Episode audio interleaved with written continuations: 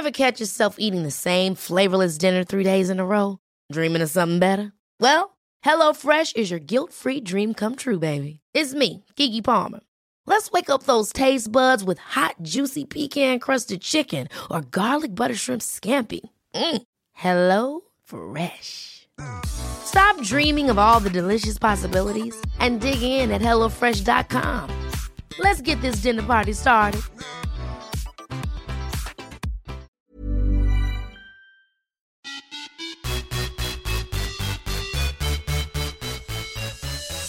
Hej och välkomna till podden Viss Svärm om Duran med mig Josefin Svärm och Sara Viss. Och för er som lyssnar på oss varje vecka så vet ni att jag har haft en ordentlig dipp och motivationsbrist i min träning en längre tid här nu. Men Sara, den är tillbaka. Ja, den är det. Ja. Gud vad härligt. Gud, vet du vad jag, det är bra, vi växeldrar lite, för jag känner att jag är lite i en dipp den här veckan, så det Åh, känns nej. jätteskönt att höra att du är på, på topp nu. Men det är, så, det är så här det är med träning. Det, det Ja. går lite upp och ner. Det, det är så för de flesta.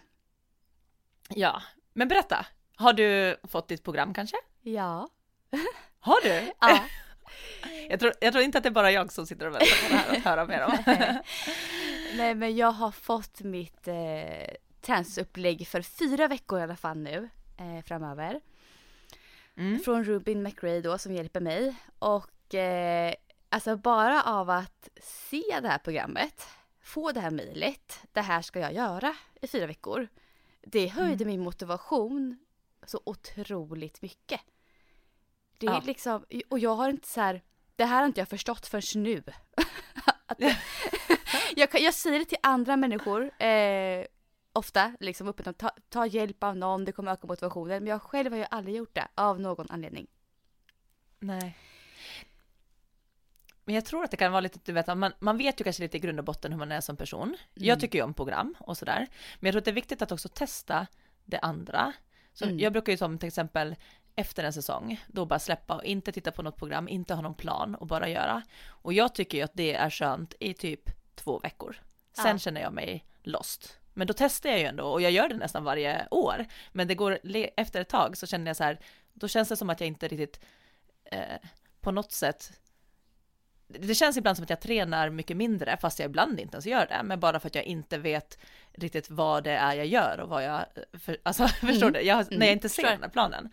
Så därför tror jag att även om man tycker, du är ju väldigt duktig på att landa i den och så här, jag tar det som det kommer, känsla och sådär, men jag tror att det också, precis för dig då också, att ibland är bra att testa hur reagerar jag på att följa ett program? Av någon annan också kanske, och just det här med coach. Ja men jag tror det. Och så tror jag också det här att variationen, att kanske ibland lägga ifrån sig det och köra mer på känsla och så, en period tror jag är bra. Men sen när man ska ladda upp för något speciellt så är det kul att liksom ta lite hjälp.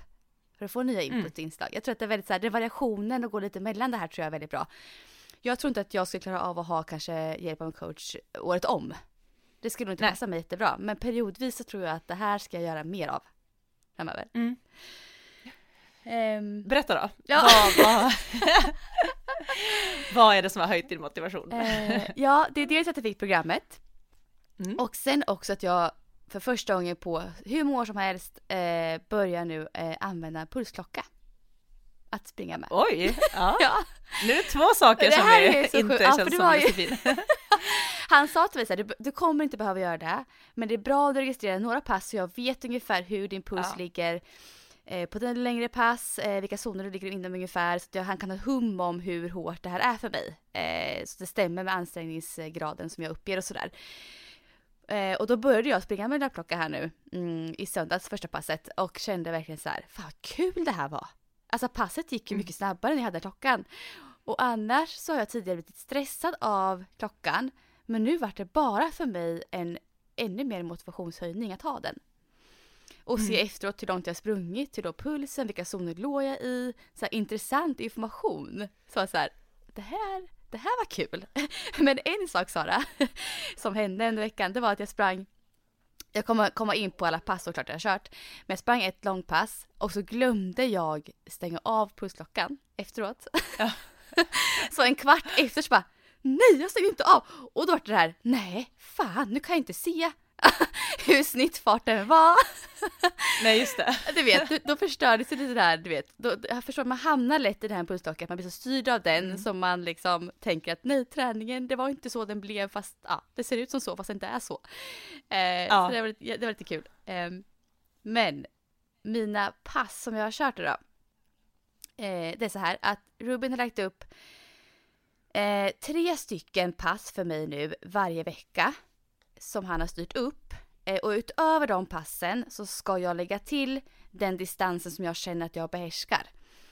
Och den ska, Mm. då ska totala distansen ska ligga mellan 5 och 10 mil. Och för mig just nu så ligger det kring 5 mil. Så ökar jag på lite sen kommer Ja. successivt. Men jag börjar kring 5 mil i veckan.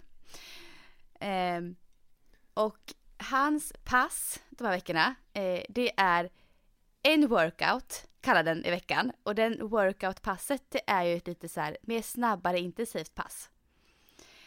Och så har han ett pass man kallar faster distance och det är ju liksom snabbdistans mot tröskel. Skulle jag säga.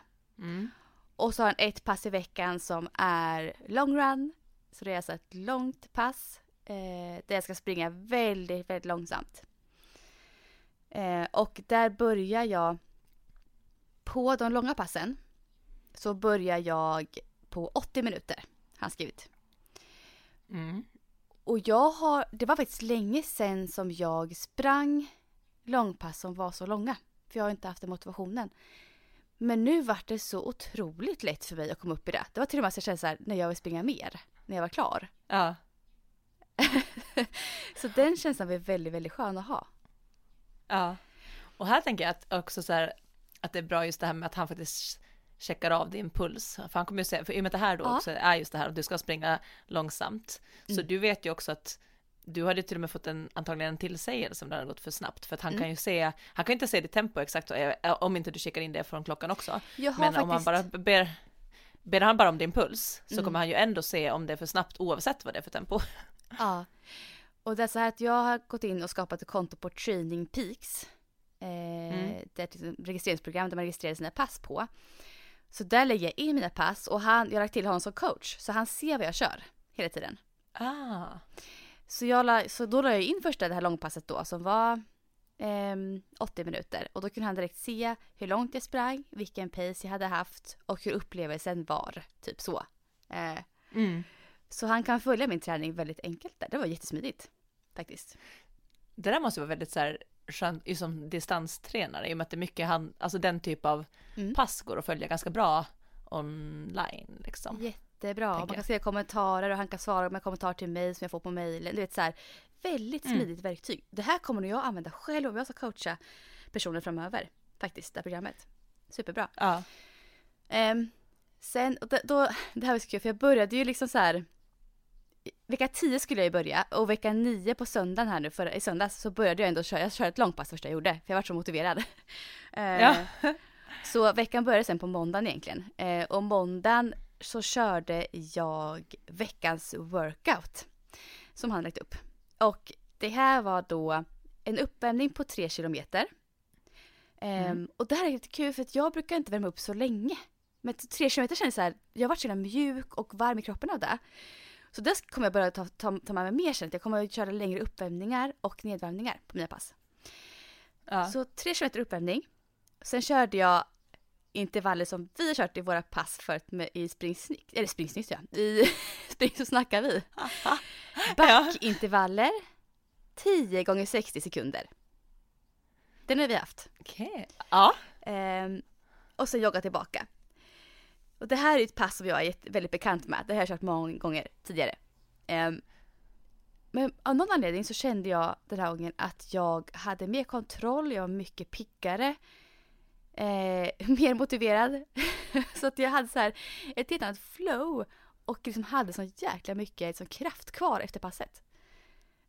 Eh, och då är ändå sån här backe jag körde i, den är ganska jobbig. Nu, ska- han ska ju veta att det ska inte vara för brant backe. Men jag har ju en backe bredvid mig här som är exakt en minut att ta mig upp. Eh, och den Ja. är lite för brant egentligen tror jag, mot vad han vill. Ja. Så min puls kom upp i max 186. Och det är ju, det måste, jag har inte mätt upp min maxpuls, men det måste vara nära min max, maxpuls. Tänker jag. Ja. För jag hade typ för 7-8 år sedan hade jag maxpuls på 194 i testlab. Okej, ja. Man, brukar, Eh, man kan ju göra en sån där snabb räkning, det är ju inte exakt, Ja. men det är ju så här 220 minus ålder, Ja. tror jag det är för kvinnor. ja, Eh, plu- men sen tror jag att det är plus minus 10 slag och det är ju Mm. ganska mycket. mm. För jag hade min klocka, min klocka jag använder som jag inte haft så mycket på mig, den sa till mig innan att jag hade maxpuls på 184. Och det stämde ju inte då. Ja, För jag var nej, det uppe på passet på 186. Så att jag har ju maxpuls på Ja. kanske 190 i alla fall. Drygt ska jag tro. Men då, det, det säger ganska mycket. Han kom ju upp i väldigt hög puls på det här passet. Och han har fortfarande inte kommenterat det här. Så jag tror att han kanske kommer tycka att det här är lite för, för snabbt. för hårt. en Ja. gissning. Eh, Ja precis, så det blir antingen sänka tempo eller hitta en flackare backe. Ja, jag tror det. Mm. Ehm, och efteråt så joggade jag ner också två kilometer. Ehm, så det blev total mängd på typ 10 kilometer eh, när jag var klar där. Men det är också en jätteskön känsla, verkligen. Eh, jag tänker att det där är också just det med att lägga in sådär lång uppvärmning och ned. Det är ju ett väldigt så här sätt att få in just den här totala distansen på veckan. Den ökar ju ganska snabbt om man ökar på Precis. någon kilometer innan och efter. Ja, och när man ändå ska ge sig ut och springa. Mm. Och, och upplevelsen är ju att man är så mycket piggare också när man väl kör intervaller då. När man verkligen har värmt upp ordentligt. Man är igång Mm. verkligen. Eh, och sen så kul, ja, det, det här är så typiskt mig. Nu, det här, risken är att jag blir för ivrig här nu. Eh, för det som hände, det var på tisdagen sen. Så hade min dotter innebandyträning. Och den är ganska Mm. lång. Den är en och en halv timme lång. Eh, mm. Så jag hängde på henne dit och lämnade av henne. Tog med mig löpar, eller hade på mig klä- löparkläder. Och då så sprang jag under tiden hon var där. Och bara så här, men om jag kommer tillbaka för tidigt, var, då hade det börjat snöa, ska tillägga här i Motala igen. Och var kallt ute. Så jag kunde liksom inte stanna och stå och vänta på henne utanför. Jag var tvungen att hålla igång tills hon var klar. Så då var det ju att jag, jag körde 90 minuters pass på tisdagen. Och jag hade kört 80 minuter Oj. i söndags. Så det var liksom, det var väldigt tätt in på mina långpass. Mm. Ehm, men det var med så här, när jag kom tillbaka, jag sprang väldigt långsamt. Jag sprang nog ännu långsammare på tisdagen än, än söndagen.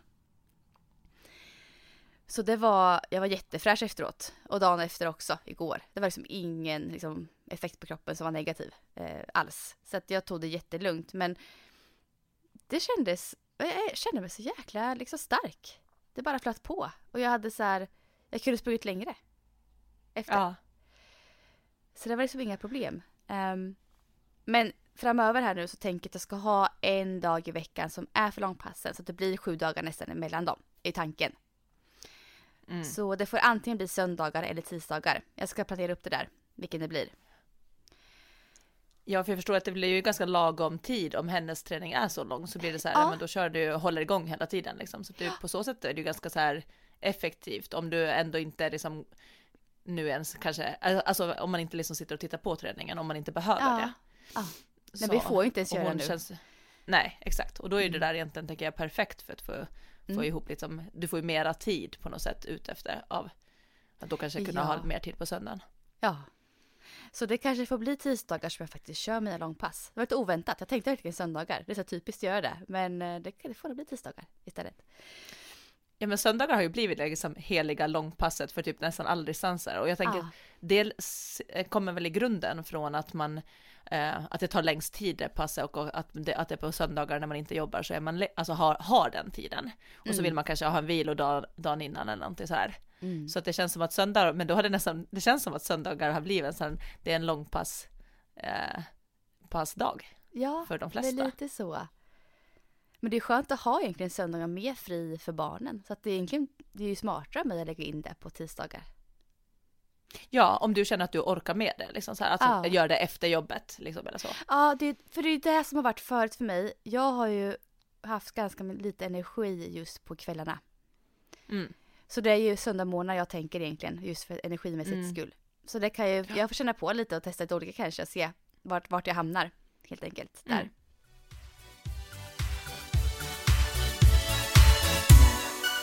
Men sen igår var det on... Nej, förrgår. Eh, var det onsdag. För nu poddar vi på eh, fredag. Så det var onsdag då och då så körde jag mitt planerade styrkepass på eh, träningsverket. Så då var jag där och körde lite tung styrka för mig. Eh, det, ja, de, de onsdagarna kommer jag nog hålla och köra varje vecka för att få in det som rutin. Eh, och lite så här paus från löpningen, vilket bara är bra ju. Sen så var jag väldigt trött igår efter styrkepasset så jag valde att ta en heldagsvila. Efter det. Eh, och jag hade ju fått ihop ganska mycket löpning också söndag, måndag, tisdag. Så att eh, det var helvila igår och idag när det är fredag, nu har jag ju fredag, lördag, söndag på mig att få in ett så fritt distanspass för att få upp mängden till fem mil ungefär. Och sen även få in hans sista pass eh, här nu eh, i veckan. Och det passet ser jag fram emot. Det ser ut så här. Det är alltså det som är faster distance kallar han det här för. Eh, och det kommer vara så att jag springer 3 km lugn jogg. Följt av 6 km i snabbdistansfart. Eh, och han beskriver det som en känsla av 6,5 till 7 av 10 på en skala. Och det är även den här RPE-skalan som han använder sig av tänker jag här. Eh, och sen jogg 1 till 2 kilometer. Så det är så ganska snabb distans i 6 kilometer inbakat här. Och ja, det, den, den det känns kul. RPE-skalan som du nämnde, är det typ som en motsvarande Borg-skala fast? Ja, Ja, exakt. och Borg-skalan har vi pratat om förut, så det är en ansträngningsskala. Ja, men man har komprimerat den lite. För borgskalan är 1 till Till ett- 20. Eller 6 till 20, Ja. det säger man. Ja. Eh, så det här blir mera... Jag kollar på en sån här skala nu. Eh, och 6,5 till 7. Då är det liksom från hard till really hard, står det här. Mm. Så okej. den känslan ska ju vara ganska hård när jag springer. Mm. Eh, så det, är lite, det blir lite, man kommer in på tröskel där, den känslan. Eh, men du kommer aldrig upp på V2 max, ska du inte göra. Utan, ja, det blir mer tröskel, tröskelkänsla tror jag där. Så den ska bli intressant att eh, springa. Och det, jag brukar ju alltid så här, jag brukar själv köra mer progressiv distans. Eh, men det här blir mera liksom, vi kör 6 km i, i sträck i samma tempo, rätt så fort.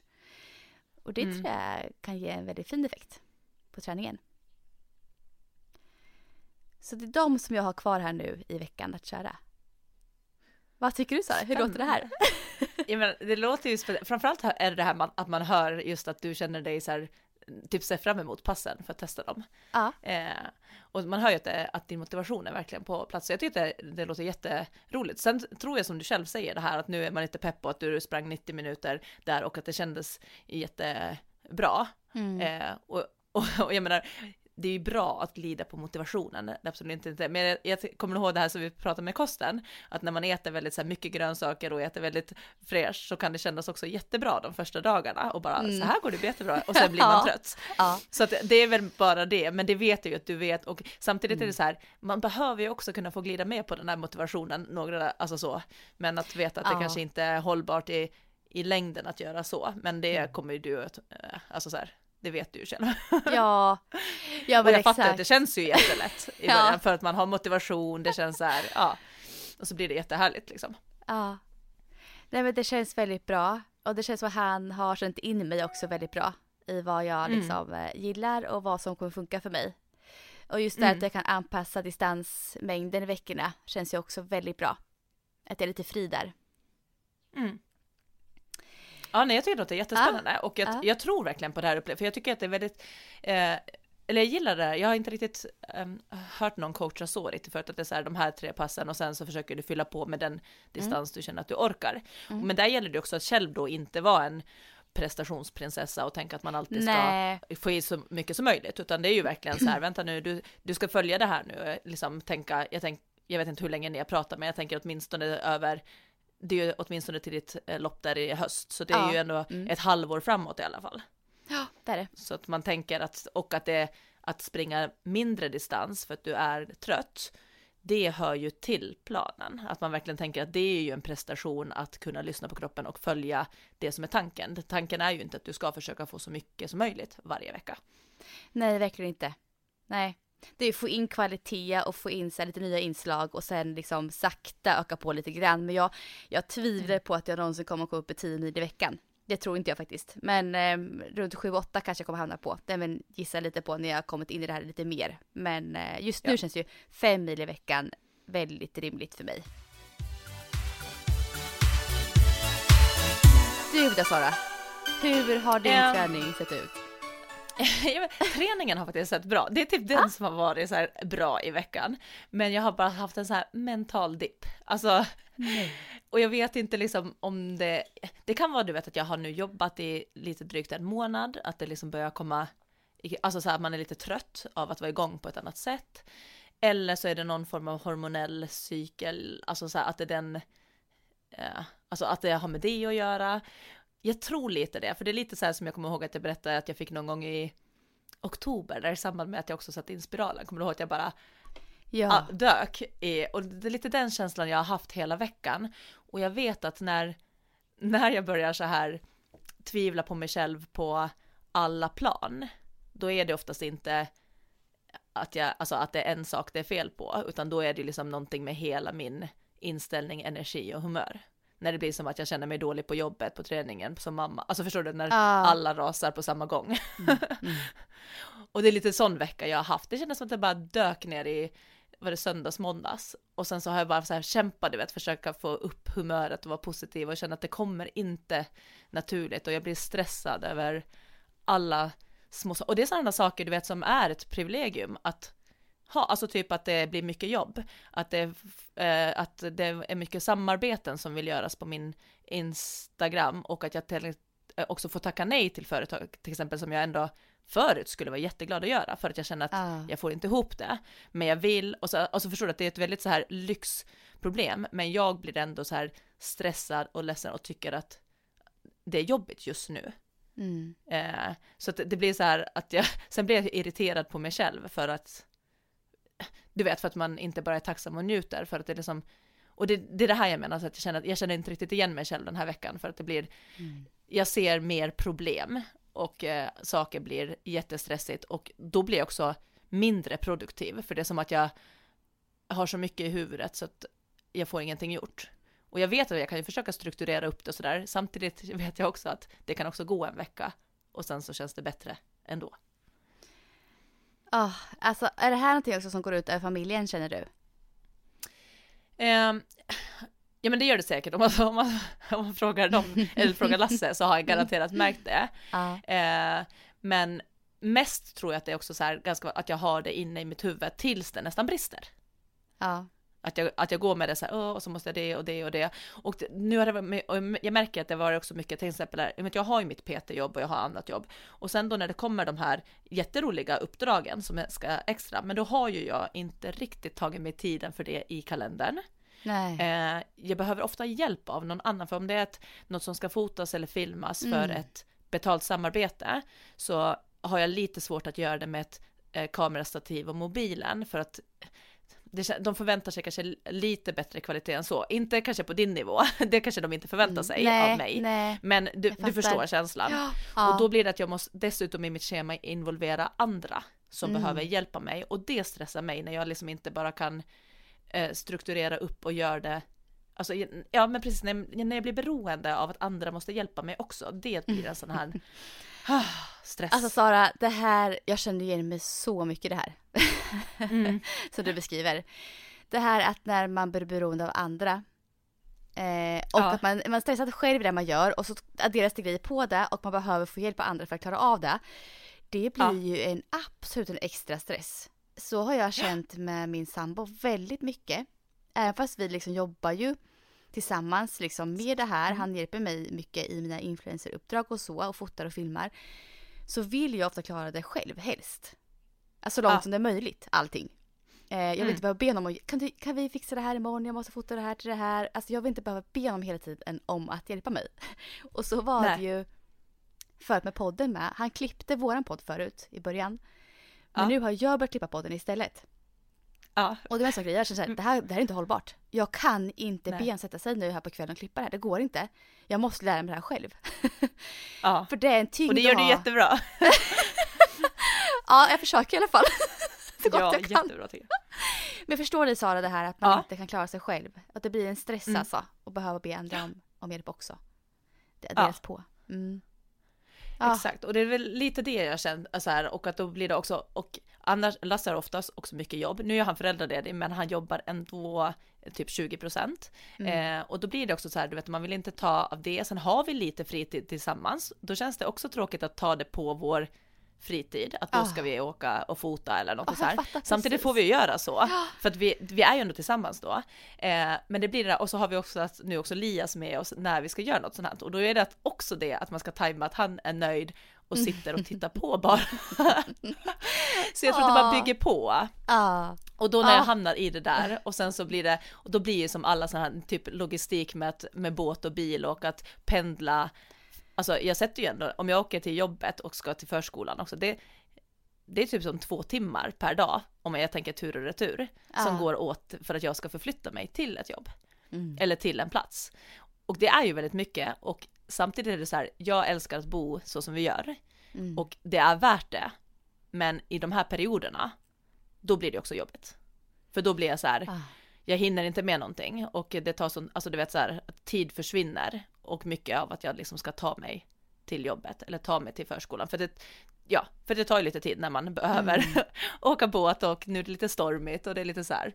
Mm. Men, och vanligtvis är det helt fine och som sagt, det är ju så här jag vill bo. Men det finns ju för och nackdelar alltid såklart och nackdelarna kanske kommer fram lite mera när man blir i det där modet. Mm. Det är så att du har så här stress inombords lite och att du behöver, Mm. som du säger, strukturera upp det på något vis. Och du, du sållar ju, låter det som, eh, redan nu liksom, Ja. på uppdrag och sådär. Men jag fattar Yes. att du är stressad. Men då har jag ändå känt att träningen är faktiskt det som har så här and, andas. Alltså ja, att, att få gå och träna, det har faktiskt ändå gett mig energi, så jag försöker verkligen prioritera det. Och vi börjar också på ett nytt, eh, eh, vad säger man, nytt program. Alltså försäsongen för de andra börjar nu. Ah. Så nu är jag liksom med dem lite från början. Och det var i söndags, så skulle vara första passet, för våra träningsveckor börjar ju på söndagar. Eh, men då hade vi verkligen så här, eh, Lias var väldigt snorig, eh, Rasmus var lite hostig, och du vet, så, så jag kände så här, det är inte, även om jag, jag hade varit lite hostig och var nu bra, men du vet, det kändes inte riktigt läge att åka då till att vara eh, på Bosön och så. Nej. Så då fick jag igen bara så här avboka den första träningen på, på passet. Men då var det samma pass som jag hade gjort själv med Lion eh, då där på sportlovsveckan. För de hade inte gjort det. Okej. Ja. Så då visste jag ju allting. Så att jag gick ändå ut och gjorde hela passet själv ute på här utanför huset Fan vad bara. starkt gjort ändå. Ja, för jag kände ändå så här, jag måste ha min träningstid så jag går Ja. ut. Men då var det också så här, det kändes som att jag råkade typ sträcka bröstmuskeln av alla ställen Nej. i ett upphopp. Det var ganska kallt ute. Jag var lite så här trött och hängig och sen skulle jag göra sådana borsovhopp, alltså sådana utfallshopp. Mm. Och då halkade jag också med främre foten på grus, på rullgrus. Ja. Så att du vet, den gled fram. Jag är glad att jag inte sträckte bak det, för du vet jag halkade som nästan ut mot spagat. Ah, ah, nej. Och, och dunkade i det bakre knä i marken. Ah. Och jag bara så här, alltså jag orkade. Men som tur var, det var ingen fara, knä klarade sig och som tur var så sträckte jag inte baksida. Men det var så här, jag bara, "Ah, ja, jag gjorde i alla fall det. Och sen så har det varit lite så här, träningen har ändå sen gått bra, sen har jag kunnat köra på. Eh, och nu var det så tydligt också så här, alltså jag måste ha den här träningen, jag måste ha det här andrummet, även Mm. om det känns som att man vill ta bort den för att få tid med annat. Ja. Men den är så viktig mental. Mm. Så jag tror att det var lite räddningen faktiskt, att jag har kunnat träna den här Jo, för ibland tänker man ju så här att man ska sålla bort det här passet så att jag liksom hinner med annat om man är stressad. Men oftast är det tvärtom, Mm. att man behöver ändå ha det. Mm. För det, alltså det är ju, man blir så mycket gladare, det ger energi efteråt. Eh, och man, man blir mer effektiv av att få träning gjord. Det är så. På, på Ja. en lagom nivå, får man säga också. Såklart. Ja men exakt. Och att det kändes så här skönt att kunna vara med från början. För att jag, där var det också, jag ville inte missa de första passen. Speciellt inte när Nej. jag mådde bra. Alltså du vet, sen när man är typ frisk själv. Men jag bara, men ja. Nej men så, men så nu är jag med i, eh, i träningen från början. Och, jag känner mig precis lika pepp som dig, det här med också att nu ser jag ju passen som kommer. Mm. Ända liksom två månader framåt så kan jag se vad vi ska göra. Och se, jag bara, oh de där börjar bli tuffa där. Men jag vet ju att eh, det, kommer, det kommer att gå bra. Och jag kör lite, jag kör inte lika snabba intervall. Jag ligger kanske på 85% av max eller någonting och så kör jag Ja. joggingskor när de andra kör med spikskor. Så jag, jag hänger ju inte med i tempot. Men sen så, så jag kör ju ändå samma mängd. Eh, och jag känner att kroppen, den, den kommer att börja springa snabbare bara av sig själv av att det känns likadant som att jag tar i lika mycket. Men jag märker redan nu att det går nog lite snabbare redan. Vad skönt ändå att höra så här, du, du har ju ändå motivation till din träning fortfarande. Eh, Ja. Men lite stress i vardagen, eh, jobbmässigt och sådär. Eh, och det, Ja. jag kan säga att jag, jag har igenkänning. Jag har också en, ett stresspåslag i vardagen eh, ganska mycket just nu. Eh, men att träning känns motiverande gör att jag kan hantera den så mycket bättre. Än vad jag Mm. gjorde bara några veckor sedan tillbaka.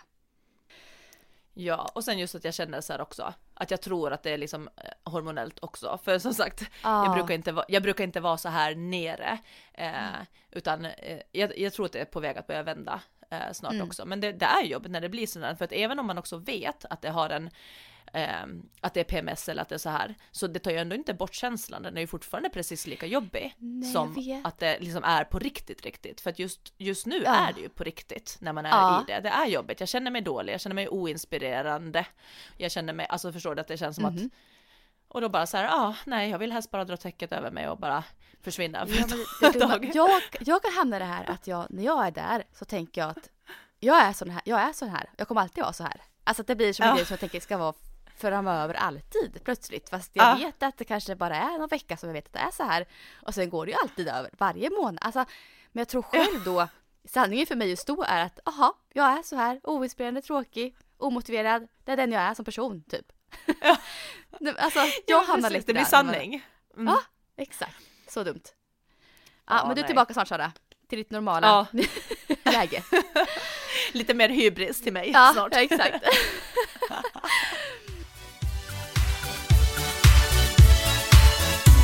Men du, en annan sak. Vi pratade Mm. lite om att det skulle vara friidrotts-EM i vårt förra Ja. avsnitt. Eh, det var på gång. Och det har ju varit nu. Har du sett Yes. någonting av det?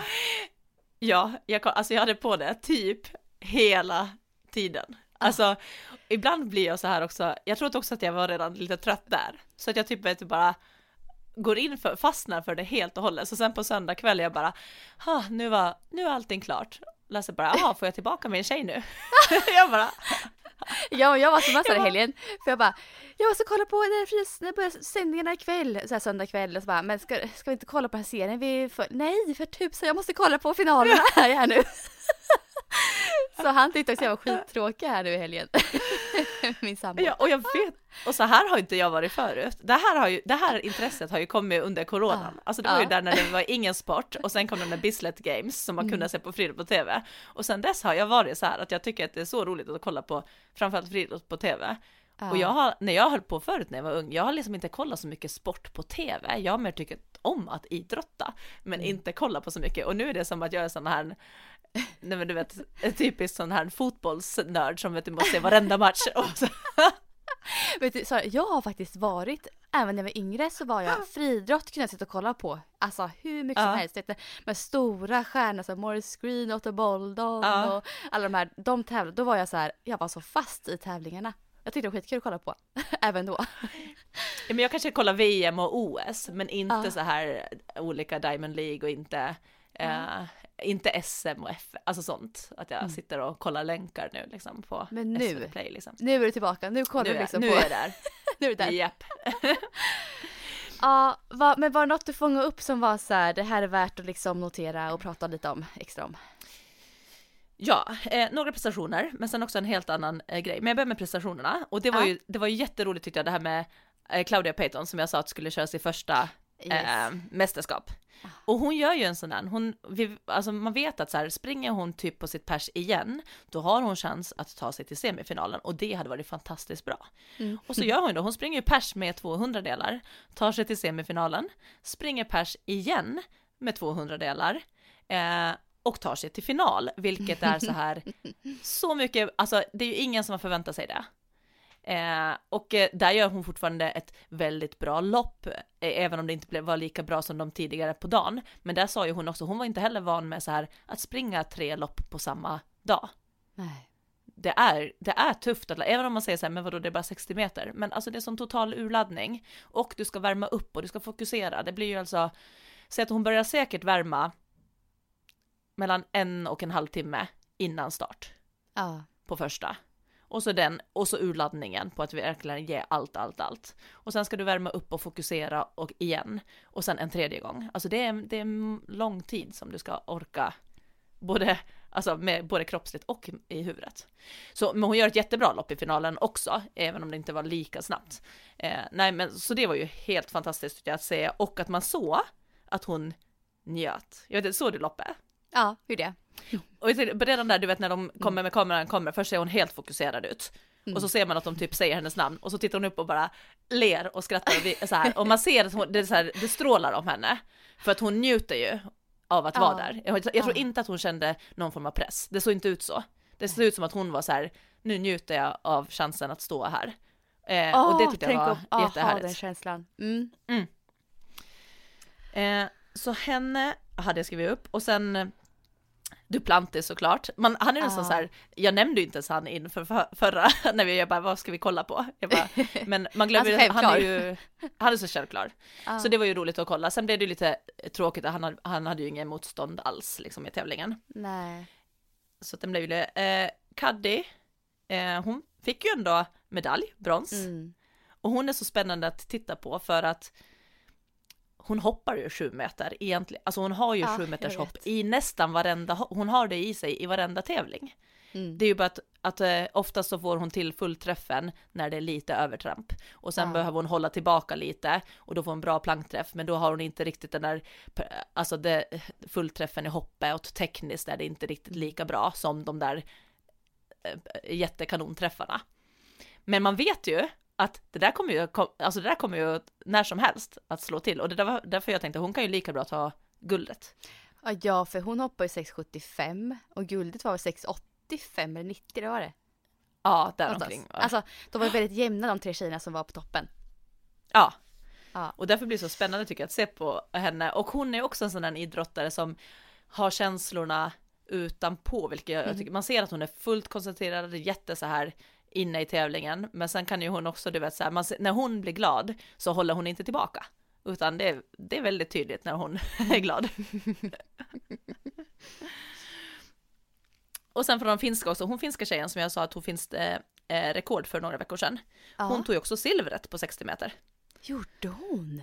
Yes, så hon, hon var ju med och, och blev tvåa. Eh, I semifinalen hade hon banan bredvid Peyton och Ja. vann det hitet också. Ehm, Och jag missade Så att, att, hon eh, var med i finalen. Gud vad dumt. Jag kollade Ja. så mycket på, på, på Peyton så jag tänkte inte det. ja, jag förstår det. Nej men hon, hon sprang på 7.22 i finalen och hon ettan var ju jätteöverlägsen och sprang så Alltså. fint och så avslappnat. Hon hade ju 7,03. Ja, vilket var Alltså, verkligen ett- en, Ja. Ja. så det var och det var jättefint att se, men då var det, det var finska tjejen som var tvåa, så det tyckte jag, det är ju jättestort att ta silver eh, Ja. där. Eh, och så var det en finsk tjej också som hoppade först tangerat rekord i, i höjdhopp och sen tog hon ytterligare en höjd till. Och det räckte också till ett brons. Så det var också Mm. så här att de tog ett brons i höjdhopp, Finland. Det var, ja, det var Vet du jätteroligt vad hon hoppade sen? Jag, jag såg inte hela nämligen i finalen. 96 hoppade hon, alltså finnen. Mm. Hon tog 94 som var tangerat. Och sen 1,96 har jag för mig Mm. att det var. Så det har jag. Har du någonting till du vill lä- tillägga innan jag tar den där andra saken med EM som jag tänkte? Ja, ja. Jag hade ju skrivit upp det här 60 meter final damer, absolut. Eh, Duplantis skrev jag upp också. Han, han körde ju på världsrekordförsök 96 och 19 och Mm. han var ju faktiskt nära andra hoppet där Ja, och klarade det. Så Ja, det var ett han jättebra en försök. jättefin insats eh, med tanke på att han inte hade så mycket motstånd heller. Eh, och så motivera sig och, och gå hela vägen och nästan sätta världsrekord är ju grymt ju. Eh, jag tänkte på det, vi sa det liksom, vad svårt det måste vara för honom att prestera och tävla bra för att för det första så får han sitta, han måste ju gå in på tävlingsbanan och värma upp så som alla andra. Mm. Sen får han sitta och vänta jättelänge för han går ju inte in på ingångshöjden förrän nästan om de flesta har ju nästan tävlat klart så det blir ju Ah. jättelång väntan för honom innan han sen ska börja hoppa. Ja. Och sen när han väl börjar hoppa då blir han nästan, nästan ensam kvar direkt så då går han från att inte ha vet du, folk att vänta på i vilan till att Alltså först vila jättemycket och sen är det nästan Mm. bara han kvar och då blir det ändå så här, ja det är klart att han får sätta sig och vila en stund men det blir ju inte likadant som om det ska vara åtta andra hoppare som också hoppar däremellan. Det blir som att så här, jag skulle känna mig lite stressad av att säga, ja nu sitter folk bara och väntar på att jag ska hoppa mitt nästa hopp. Mm. Nej men det måste ju vara svårare för honom att ladda om. Helt klart ju. Med Ja. tanke på det, tänker jag absolut. Så då blir hans prestation ännu bättre. Eh, Ja verkligen. och mer imponerande. Eh, jo, nej, men jag ska också upp, ehm, jag ska upp Andreas Kramer, eh, Mm. 800 meter. Han kom ju inte till final. Eh, men det var så himla mycket vassa armbågar så han fick ju ta så här lite stryk där i semin. Och det var ju han som vann semin där va. Han vart först diskad. För att han var för hård liksom. Och, men sen kom han tillbaka och blev godkänd så han fick gå vidare till final. Men det innebar då att Anders Kramer fick först besked om att han skulle gå till final. Men sen fick han besked om att han inte fick gå till final längre. För att då var diskningen borta. Eh, på Ja. den andra. Så det hände mycket, det var mycket så armbågar, mycket tuffa liksom jargonger och så tyckte jag på just på de här lite längre distanserna. Eh, och sen tänkte jag också på, jo, eh, heter hon Meraf Bata eh, Ja. från Sverige på 3000 meter. Hon kom fyra eh, efter ett fall när det var 300 meter kvar på loppet. Så det var dramatik liksom. Det var ju verkligen Ja. så, här, hon, så hennes insats var ju också jätte, jättefin under eh, mästerskapet. Ja, det var ju inte, det var inte hon som föll, det var ju en löpare som föll, men i, i den löparens fall så Ah. prejade hon ut, för hon trillade ju som precis framför, så att hon blev ju helt blockad och fick typ stanna till och vända åt andra hållet för att för att hon trillade liksom rakt ut i banan och prejade ut henne då. Ah. Så att de, det blir ju nästan som att de trillar båda, men det var ett jättekonstigt fall och precis Ah. som du sa på sista varvet och ändå spurtar hon från det och tar en fjärde plats. Så man vet ju Mm. så här, hon hade ju verkligen varit med i en spurtduell om medaljer Mm. om inte det hade hänt henne. Ja, ja det hade hon verkligen varit. Eh, och sen så skrev jag också upp Jakob Ingebrigtsen eh, från Norge då såklart. Han vann både 1500 och 3000 meter. Mm. Så han gjorde ju väldigt väntat väldigt bra prestation ifrån sig där också. Eh, så det var, var väldigt, det var ett kul mästerskap tyckte jag. För det var det här liksom mycket dramatik och alla vill ju prestera när det väl gäller. Och det märktes ju så himla tydligt att det var så. Så att eh, Ja. det, var, det var kul att kolla på tyckte jag. Jag tänkte på det, just det här från, från 400 meter och uppåt så Ja. är det så som du säger, så mycket armbågar, det är jättemycket eh, taktik till skillnad Ja. från utomhus. För Absolut. 400 meter utomhus, alltså ett varv utomhus, där springer man ju på egen bana hela varvet runt, vilket Mm. är då inga konstigheter alls. Men inomhus är ju banan 200 meter och de här kurvorna är ju då också så här upphöjda så att de lutar, det har vi nämnt förut. Men ifall att det är någon som inte har sprungit på en sån, så den är, kurvorna är mycket snävare och eh, lutar lite. Eh, Mm. och då har man då gjort så att som på 400 meter, så man springer första varvet på varsin bana, men på upploppet på första bana så får alla löpare gå in på bana 1 till andra varvet. Så som man brukar säga att 800 meter typ är utomhus eller sådär, som man går in på Mm. Och det här gör ju, tycker jag, att det är en annan typ av idrott, en annan gren för speciellt Ja. 400, 800, 1500. För när du ska in där på den här snäva banan eh, och alltså det, det är som du säger, det knuffas och, det där, och du måste göra det nästan för att komma in och få en bra plats. För man har också sett att typ när du går in på gemensam bana så har du en fördel av att vara den som ligger först. Ja. Det är ju oftare den som håller sin placering för att ligger du bakom, du har liksom inte ditt utrymme, du kan också bli omsprungen bakifrån och bli inlåst inne i klungan. ja, det händer ju väldigt ofta. Ja, och det är så här, och det ingår ju på något sätt i det. Man kan ju inte säga att det är fel, för att alla löpare måste ju göra så och springa om varandra för att komma fram. Men då kan det ju vara att någon kommer bakifrån, orkar inte hela vägen fram, så den ställer, lägger sig axel mot axel bredvid dig. Och då är ju du Mm. fast där. Ja. Och det är ju egentligen ditt fel från början ändå, för du hade ju behövt då inte låta den komma upp axeln. Du måste ju typ öka på för att hamna då framför den. Ja. Eller alltså du måste ju hela tiden ha det här spelet och ibland så lyckas man och ibland så tror jag också så här, du hade inte kunnat gjort någonting. Men Mm. alltså det är så mycket, det är så mycket taktik och just att de här 800 också, det, det är knuffigt, det är liksom, och det blir också ett helt annat rytmiskt sätt tror jag springa. Du är inte van med att kanske få knuffar. Nej, och här tänker jag också så här att det blir, det blir mer oväntade resultat ibland i och med att den Mm. snabbaste inte alltid vinner. Ja, och det är vanligt med att folk springer in i varandra, snubblar, Mm. knuffas, trillar, trampar innanför. Då är man ju diskad också, man får inte trampa innanför. Alltså, Mm. det här är ju nästan mer en regel än undantag att sånt sker. Men det måste vara otroligt frustrerande, framförallt när man är kanske 400 meters löpare och utomhus är van med att där får ju ingen röra en. Och så går du Ja. in och säger just det, ni ska in på gemensam. Och jag, tyck, jag tycker att det verkar väldigt roligt. det känns Jag typ, du vet, vet som är så här, du är så här, vad heter den? Eh, vad heter den skidsporten? Någon där så här extrem, alltså de här när de åker som en, ehm, Ja, bana. det, bredvid. Ja, och, bredvid varandra. exakt typ bredvid här. varandra. Ja, Så det är typ som störtlopp ner fast för en lite Ja. guppig bana. Gud vad heter den sporten? Ja, ni vet ja, vilken. ja. Men där är det också samma, det handlar ju jättemycket om placeringar och vem som liksom placerar sig bäst i loppet och hur du liksom äh, åker jämt mot de andra. Och det, Mm. det här blir lite samma grej, att det är så här, du behöver kunna också vara ganska stark och tåla de här lite, att det kanske kommer en knuff. ja. Och det tror jag att det är många Så- löpare som inte är van med. Ja, en dum fråga kanske. Men varför var inte Moa Hjelmer med? Hon kvalade nog inte in till Det en. var så. Ja. Jag Ja, jag- tänkte att jag det tror säkert var så. Men jag vart en så här, jag tänkte att hon skulle vara med. Jag antar att det är det att hon inte det klarade kvalgränsen.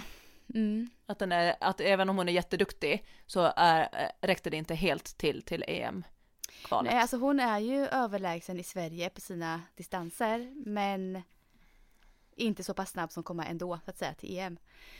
Eh, men det där tror jag hon, ah, jag tror hon kommer komma dit snart igen. Ja, ja, ja. De Det tror jag också. Det kommer Eh, hända. Och, så, och sen är det får man ju också komma ihåg att, alltså så här, att Sverige har folk i EM eller VM, alltså på sprint, det är ju liksom inte det vanliga. Att Peyton är med på en 60 meter, alltså en Nej. sprintgren är ju kanske inte den som är den starkaste för, för Sverige eller för Norden över, överhuvudtaget. Nej, Det Finland brukar ju vara lite mera mot det brukar vara lite mer mot medeldistans och kastgrenar är ju Finland jättebra på. Eh, Ja. Och sådär, så att sprint är ju inte den här eh, där vi brukar ha folk med.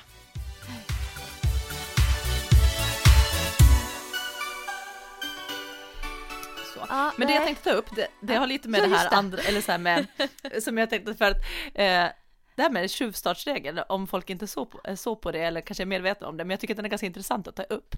För eh, just på, det är framförallt på kortsprinten som det här blir att gälla då, eh, med startblock, så är det ju att det var flera stycken som blev diskade för att man tjuvstartade. Och den här, när vi tävlade när vi var små, eh, och det är inte bara för att vi var små utan för att det var länge sedan Josefin, då hade man ju, kommer du ihåg att där fick man ju tjuvstarta en gång, alla löpare fick en tjuvstart, då kunde man få Mm. Ja. en, eh, gul, ett gult kort. Och gjorde, tjuvstartade man en gång till så fick man rött kort, alltså inte fick springa, man blev liksom diskad. Mm. Den här, ja, och så var det förut. Och sen så bytte de ett tag till att det var eh, en tjuvstart per hit. Var, eh, Mm. Du påminde mig om det här nyligen. Ja. Att, eh, och då fick hela hitet ett gult kort om det var en tjuvstart. Och då visste man att nästa som tjuvstartar, den åker ut. Ja. Oavsett om det var du som hade gjort det första gången. Och nu är du tillbaka, nu är det ju helt att det finns inga gula kort överhuvudtaget. Eller när det kommer gult kort, då är det för att det inte varit en tjuvstart, men det var det någon som har rört sig i blocken. Alltså säg att du har liksom ryckt lite i ena foten, men du har inte Ah. stuckit iväg. Du har fortfarande fötterna kvar på blocket, Ja, ja. Mm. men du har ryckt till till exempel. Mm. Men du så står det kvar. stör, det Då- stör de andra kan det göra en sån grej. Yes, det gör ofta då att den på banan bredvid rycker, sticker iväg. Mm. Så det ser ut som att den bredvid har tjuvstartat då. Just det. Men den har ju ryckt för att den har känt av att det, det rör sig bredvid och man är ju så taggad på att skottet ska komma. Så kommer det då något ljud så sticker det ju. Ja. Eh, och den var liksom så här, så de har ju blivit stenhårda på det här och jag tror att för egentligen, det var mycket kritik när den eh, regeln kom, för att det var så här som idrottare, många idrottare gick emot den också, för de var så här, men jag, jag är bara en människa och jag gör misstag ibland, och att det, alltså jag kan inte liksom inte få springa överhuvudtaget då, så det var ganska mycket så här, kritik mot den regeln. Men nu tycker jag att det funkar bra ändå för att folk skärper sig, för det den är gjord för, det tror jag från början från typ tv och produktion. För det som händer, alltså tänk att det är åtta personer i ett hit. Om Mm. alla då skulle få tjuvstarta en gång och gå tillbaka, Ja. förstår du fördröjningarna i tidsschema? Ja, gud ja. Mm. Och att sitta och titta på det på tv, när de ska gå tillbaka, och det var ju så, jag kunde Det vara var med att så, man jag fick ta, ta om tre, fyra gånger Ja. innan vi kom iväg. Ja. Och det gör också, varje gång man gör en tjuvstart och går tillbaka så tappar man lite av den här toppladdningen som man Ja har. men absolut. Och jag minns även på tävling och kollade typ Diamond League och de här. Det var Mm. samma sak där liksom. Att det var omstart, omstart, omstart. Alltså det var ju aldrig klart. Ja. Liksom. ja Så jag tror att det från början var lite från produktionsbolag som ställde de här kraven. Men att sen, jag tycker att det har också blivit bättre som för idrottare. För visst, det är jättespänt, man får inte tjuvstarta, alltså du får ingenting. Men det har ju också blivit, för det är jobbigt när du är i hit 3 och man märker att hit 1 ligger en halvtimme efter i tidsschemat. Mm. Och det blir ju inte heller bra för prestationen. Nej, att inte. du ska gå och Nej. vänta för att det har blivit så mycket omstarter. Eh, så att jag tycker ändå att nu är det bra, men det är ju fruktansvärt jobbigt när man ser, för nu var det ju då som, det var ganska många i tjejernas hit framför allt. Alltså du förstår, du har rest i EM, du är taggad, du är så här, Ah, du är så liksom, nästan överladdad och sen så går du upp på färdiga och så rycker du. Och jag tänker, du vet, det kan vara, ibland tror jag att du inte ens hinner själv reagera på att du gjorde det. Du, du bara, så här, det bara händer. Och då blir utvisad och man ser ju, många börjar protestera och vill se på film och se på så reaktioner och då har de ju dessutom nu, de har ju sådana eh, sensorer i blocken. Ja. Så att, och där har de sagt att du får inte reagera snabbare än en tiondel. För att en tiondel är, du kan inte springa iväg snabbare än en tiondel efter att skottet har gått. Då Nej. har du chansat. Och det vill de ju också få bort, att så här, för det kunde du ju för, du kunde ju chansa. Och säg att du vinner en tiondel på din ja, reaktionsstart. mycket En alltså. tiondel på 60 meter, alltså det är ju Mm. medalj eller inte Mhm. medalj. Mm. Så. Men det kunde man ju göra förut, du kunde ju chansa en gång och försöka få Mm. den här kanonstarten. Men nu måste du verkligen höra skottet innan du rör och då har de sagt att du kan inte, så är du under en tiondel på den här eh, reaktionen, då är det tjuvstart. Ja. Så då får de ju gå dit och titta på den här, ja men du hade 0,85 på den här eh, reaktionstiden och då hamnar de ut och där kan de ju också se om det är rörelse, att ingen har stuckit iväg, men de ser på att det har varit liksom rörelse och då blir det den här varningen. Men att se dem gråta och gå därifrån, just att det är i försökshit också, att vet att de får inte Ja, springa inte ett lopp. ett enda lopp. Nej, Nej. fy vad hemskt. Alltså, och, jag, och man känner ju ångesten och klumpen. Och det Ja. här gjorde ju, det här gjorde ju Usain Bolt en gång på ett EM eller VM. Eh, nej, eh, VM såklart, inte EM. Gud, det minns VM. inte ens jag. Det borde jag minnas. Nej. Ja, det var Lasse som påminde mig om det och Ah. då klingade en klocka och det var ju, han var ju liksom redan då där stor favorit. Han hade tagit världsrekord innan. Ja. Eh, och sen kom han Ah. och i försökshiten Ah. rycker han och sticker iväg och han sätter ju direkt händerna för ansiktet och bara jepp, typ går därifrån. Fan, Och fattar, kört, liksom. han, han hade ju liksom tagit guldet hur lätt som helst. Men även han kan ju bli liksom nervös och eh, då inte, alltså, Alltså, där undrar man ju hur hans motståndare tänkte. Alltså om de tänkte Ja. så här, yes vad gött, eller om de bara så här, Ja. nej vad synd. Alltså för man vill inte möta honom kanske på ett sätt för att han är Ja. alltså, topp, i, topp i världen. Men samtidigt, fan vad skönt, nu försvinner ju han. har vi chansen ja. här. En mixad känsla kanske. Ja, precis. Men det, och det är ju en del av sporten. Samtidigt Ja. så förstår jag också det här med att, ja, nej, men jag bara mänsklig, jag måste kunna så här, men man vill ju få bort det där ändå, att man ska ju inte kunna chansa på skottet. Nu blir det ju en del av sporten och någonting man får träna, träna på. Eh, men till skillnad från till exempel längdhopp, där har du ju tre försök och där ser man ju ofta till exempel att de gör ett säkerhetshopp för att få ett godkänt hopp. Ja. Mm. Och sen så trycker de på allt vad de kan, där det ofta blir kanske ett övertramp, men du vet att där kan du också få den här pangträffen. Full träffen Där du bara, exakt, och då kan det bli ett jättebra hopp. Och sen kan de, beroende på hur deras resultat och övertramp så eh, justera för tredje hoppet. För de har ju oftast tre hopp för att sen åtta bästa går till final. Mm. Men där kan de ju lite så här faktiskt chansa.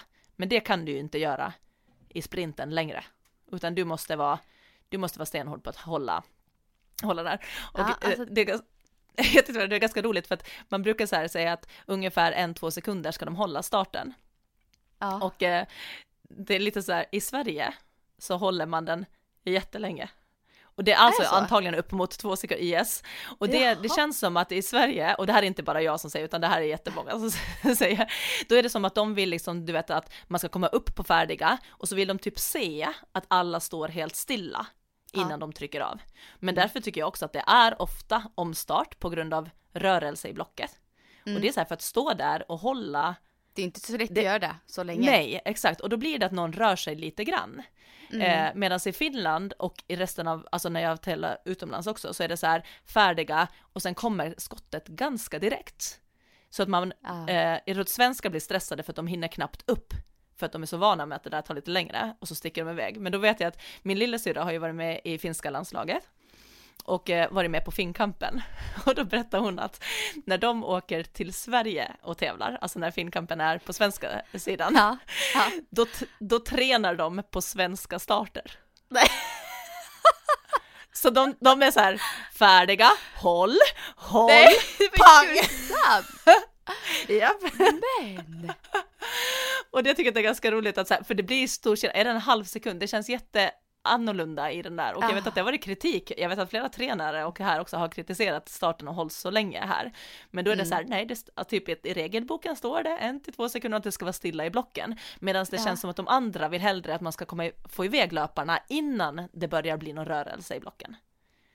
Så då känns det mer som att det är färdiga och sen så kör, kör de iväg istället för att titta att alla är stilla. Ja, intressant att just det är Sverige som eh, tänker så här. Det känns som att de är så här regelboken. Lite typiskt på något vis också. Ja. Så det tänker jag att det oftast att det står så att, eh, ja, nej så jag tar det nästan oftast ganska så här lugnt upp, för att jag vet att går jag upp direkt då får man stå helt stilla så länge, så jag bara ja. långsamt upp och sen Vilket också kan bli störande, för då, Man får lära sig en teknik för det liksom. exakt, men då blir det också lite störande, för det är säkert det de står och väntar, att jag, alltså nu går det inte jättelångsammare, men du vet Nej. att jag går ju Nej, långsammare känns upp och då blir det ju Ja, och det kanske också är kanske störande för starten också, för att då blir det ju som att då rör det ju sig i olika, alla går inte upp samtidigt. Så det kanske är, Nej. jag kanske är en av den som som gör att de stör sig på det, någonting, men det är ju liksom att man kan ju inte, går man upp direkt snabbt, då står man jättelänge och, och, och jag går ju lika Ja. långsamt upp på de andra, men då vet jag ändå att där Ja. kommer skottet komma direkt jag kommer, så det är bara upp och sticka. Hur märker du en skillnad att du går långsammare upp än andra?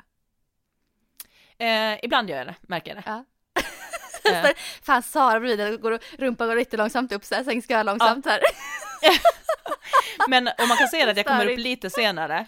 Men, Ja. men det är också så här, för det finns så olika taktiker. Vissa går också upp högt för att sen gå ner lite. Ja, och det blir har också en ju. rörelse. Ja. Ja. Och det blir ju också en rörelse, att då Ja. går de upp, men sen så rör, och när de går ner, då är jag ju uppe. Så jag, det Ja. kanske tar lika lång tid. Men då ser det ju Ja. också ut som en så här. Men ja, för jag går inte upp så här, vissa går upp så här så snabbt som möjligt, typ med rumpan. Utan jag på något sätt så här går upp med, hittar anspänning. Ja. Eh, men jag, jag vet ju att jag inte gör det för långsamt, för att jag tycker att det blir också så här, när jag är när jag var typ på Gibraltar eller i Finland och kör, då vet jag att Ja. då är jag bara med på att skottet kommer att komma di- direkt jag kommer upp. Ja. Så himla kul att höra sprinters, en sprinters vardag liksom. Jag tänker på detaljer som är så här, hur snabbt ska rumpan gå upp? Hur långt upp Ja. ska den gå upp? Precis, jag hittade ett vinkel och tryck i blocket och du får inte liksom Ja. röra fötterna. Det där kommer jag ihåg, du nu när du säger det, jag kommer ihåg när jag var liten eh, och eh, skulle tävla i, i Sätrahallen. Och Ah. jag var så nervös. Alltså jag var så nervös. Eh, och jag kommer ihåg då när, då när vi gick ner, då var det på, när vi satt på det här, på färdiga. Nej, nej, på, på våra platser, alltså innan man går upp med rumpan. Ja. Då sitter man ju främre foten är tryckt mot blocket, men den Mm. andra då är ju bara tårna i och hälen är ju liksom fri i luften Mm. för man har inte gått Mm. upp och tryckt mot. Och den hälen skakade som ett aspblad, alltså den bara skaka, skaka, skaka, skaka. Och då så blev det ju dessutom om, då blev det omstart för att det var rörelse i blocken och det var jag. Och då ska man gå tillbaka och göra om det. Men jag kan ju fortfarande inte bestämma över den där hälen, för den lever sitt Nej. eget liv. Nej. Och då, ja, och då kommer jag ihåg, jag bara- den bara satt och skakade och så sa den så här, du får inte, jag bara, men alltså jag kan inte göra någonting, den, den skakar. Den slutar skaka när jag går upp på färdiga, för då trycker jag emot i blocket. Ja, precis. Och då var de bara, okej, men de, alltså de, var, de var inte glada på mig. Jag bara, men vad ska jag göra då? Den, Mm. den bara skakar. och, sen, och då kommer jag ihåg, alltså var det någon tävling efter det sen som jag la, alltså foten nästan så här snett utåt. Alltså du vet att jag hade den fälld åt sidan på, på era platser och sen när de var färdiga, Ja. då, drog jag, då jag drog jag in hälen och tryckte bak den, för jag kunde Då- som få den att sluta skaka när den låg som utåt sidan. Då hittar du en teknik även för det. Ja, som tur är så har jag inte det problemet nu längre, jag vet Nej. inte, men det var väl någonting att jag kunde inte hantera nerverna, alltså, och så det Ja, bara, men den nervös bara och så skakade bara så mycket. Ja, precis. Och så blir det bara ännu värre då när de bara rörelse i blocken, du får inte göra sådär. Jag bara, nej, det är lätt att sluta. Gud vad kul. Det här är så roligt för jag, man, man kan ju relatera när man själv har varit friidrottare lite grann. Men det är Ja. kanske svårare för er som inte har varit i springvärlden någonting. och hänga med och förstå vad vi menar. Men det är kul att lyssna på tycker jag faktiskt. Ja, och så tänker jag att det kan vara kul om man ser på friidrott, att just veta Mm. den där, alltså just att eh, alla idrottare som sitter där nu, det är liksom Ah. eh, ett försök. Det är Ja. liksom inte, och det har blivit en ganska stor ändring av sporten, alltså på ett, på ett sätt. Du måste hantera det på ett annat sätt. Ja, men det känns ändå som en ganska rättvis regel. Kan jag tycka. då. Ja, men jag tycker också det, och framförallt, jag tror att det, är, det har blivit bättre, både för tvn, för produktionen, men också för idrottarna, för nu eh, tidsschema hålls, tycker jag, Ja. mycket bättre. Mm. Eh, I och med att, alltså det tar så, säg att det, det är kanske tre, fyra minuter extra för varje omstart. För att Ja. man ska gå tillbaka, eh, ladda om på era platser, sätta sig ner igen, alltså det blir ju liksom två, eller två, tre minuter i alla fall. Och börjar det hända i varje hit, alltså det drar iväg i tidsschema. Så det här, nej, så att det är ju jättebra för idrottarna också. Och att det är så här, ja man får bara helt enkelt träna på, på det. Ja. Men orättvist ibland kan man tycka, när någon Ja. bara är övertaggad, gör ett mänskligt misstag och Ja. åker ut och får inte Det är ju chansen att springa. trist när det blir så, såklart. Ja. Ja, det, alltså nu, vi, vi, det ramlar iväg tiden här. Vi har pratat eh, över en timme och liksom vi hade ju en lyssnarfråga på gång som vi inte kommer hinna med här alls nu. Nej, Ser jag. det får ta nästa vecka.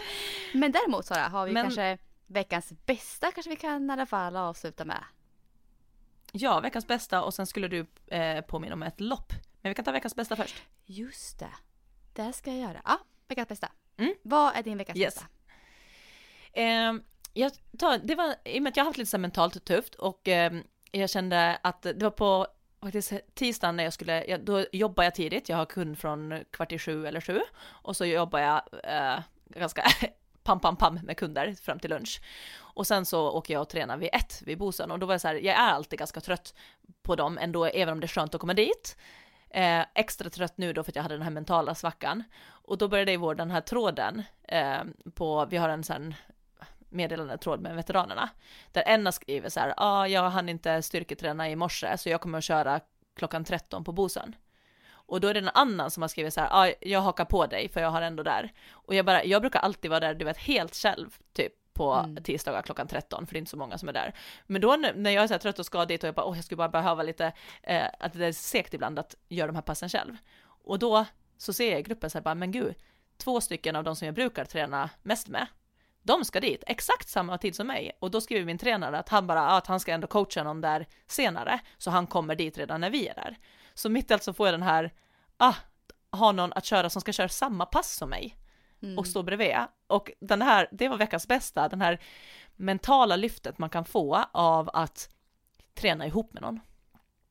Och att det var liksom oplanerat, men Ah. det, det bästa, egentligen alltså det bästa vad jag kunde, för jag, var, jag gjorde ett jättebra pass, Mm. jag körde med dem och jag kände att jag hade så mycket energi då när jag sen åkte och hämtade på förskolan och åkte hem. För jag var på något sätt så glad för jag hade fått till ett bra pass med eh, dem, så jag tycker att det, jag tycker att det är jätteroligt att träna med dem och liksom, det var så här, man får, jag får ju väldigt bra energi Mm. av Mårten och Anna, eh, som de heter då, och sen Lian också då när han är där. Så det var veckans bästa, Åh, sällskap. grymt ju. Det Ja. lyfter den. Ja, verkligen. Mm. Vad har du för veckans bästa? Ehm, nej men jag tänkte på det här, men det, det måste för mig vara att eh, kort och gott alltså att motivationen är tillbaka. Det är liksom, Mm. jag har ju försökt att hitta den ganska länge här nu och nu först på väldigt länge så är den verkligen på riktigt tillbaka och jag blir lite så här. Jag har tappat bort mig själv lite känner jag en period. Och varit lite mer låg, lite mer så här bekymrad över livet än vanligt. Och nu så har det liksom vänt. Någonting har hänt. Jag är mentalt mycket mer så här pigg och liksom sugen på saker. Eh, motiverad till jobb också. Ja, men så här, det har liksom vänt totalt för mig nu. Eh, och jag hoppas det här är någonting som kommer hålla i sig. Eh, och jag tror det. Nu lever jag lite på den här vågen att åh, nu är det så nytt och fräscht och nytt program och så här. Eh, men jag vet ju att det såklart inte kommer vara så här hela tiden. Men att det ändå har, det har kommit en vändning som jag hoppas kommer liksom finnas kvar här nu framöver för mig. Så att eh, ja, att min motivation är tillbaka är mitt veckans bästa. Härligt att höra.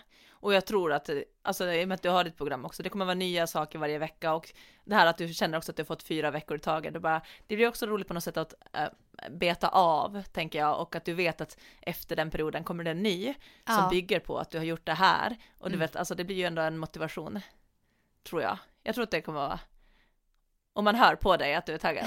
ja. ja, men nu också så kommer våren och så här, så det känns som att, eh, ja, bara det kommer ju underlätta. Ja. Ja, men Sara, så hade jag också en sak till som jag ville ta upp bara i podden här. Eh, jag fick nämligen ett meddelande från Ung Cancer. Eh, mm. De samlar då in pengar till deras forskning såklart här och de arrangerar ett virtuellt lopp. Eh, Ung Cancer-milen heter det. Som vem som helst kan springa mellan den 2 till 11 april. Och det är då 10 kilometer. Och man registrerar sig loppet i Race One-appen. Det här är den appen som du och jag Sara använde när vi arrangerade Run of Hope förra året. Mm. Så man registrerar sitt eh, lopp där. Det är jättesmidigt verkligen. Så Race One-appen. Eh, och eh, det man kan göra för att få mer information om det här loppet egentligen det är att, jag skulle säga, gå in på Ung Cancers eh, Instagramkonto och kolla där. Eh, vi skulle också kunna lägga upp någon länk eller någonting på vårt Instagram om eh, hur man kommer till eh, anmälan av loppet. Mm. Så ja, det, jag kommer köra i alla fall någon gång mellan andra till efter april. och man kan välja när man själv, när det passar en själv att springa och bara registrera det där i appen. Och bidra till forskningen då för ungcancer. Så det vill jag tipsa lite om ja. här också. Nej men jag tänker att vi, vi, vi, eh, vi säger väl hej då här och nu och önskar alla er som har lyssnat på oss en eh, väldigt fin eh, vecka. Ja, och tack Josefin som gav mig lite mer energi. Nu känner jag att jag känner mig mer pepp. Det har varit tvärtom ett tag här nu. Jag vet, saker och ting går upp och ner och det är bara att kämpa på. Ja, verkligen. Ha det så jättebra här nu Sara. Hoppas det vänder för dig här nu i veckan. Ja, tack. Ha det så bra alla. Hej då. Hej.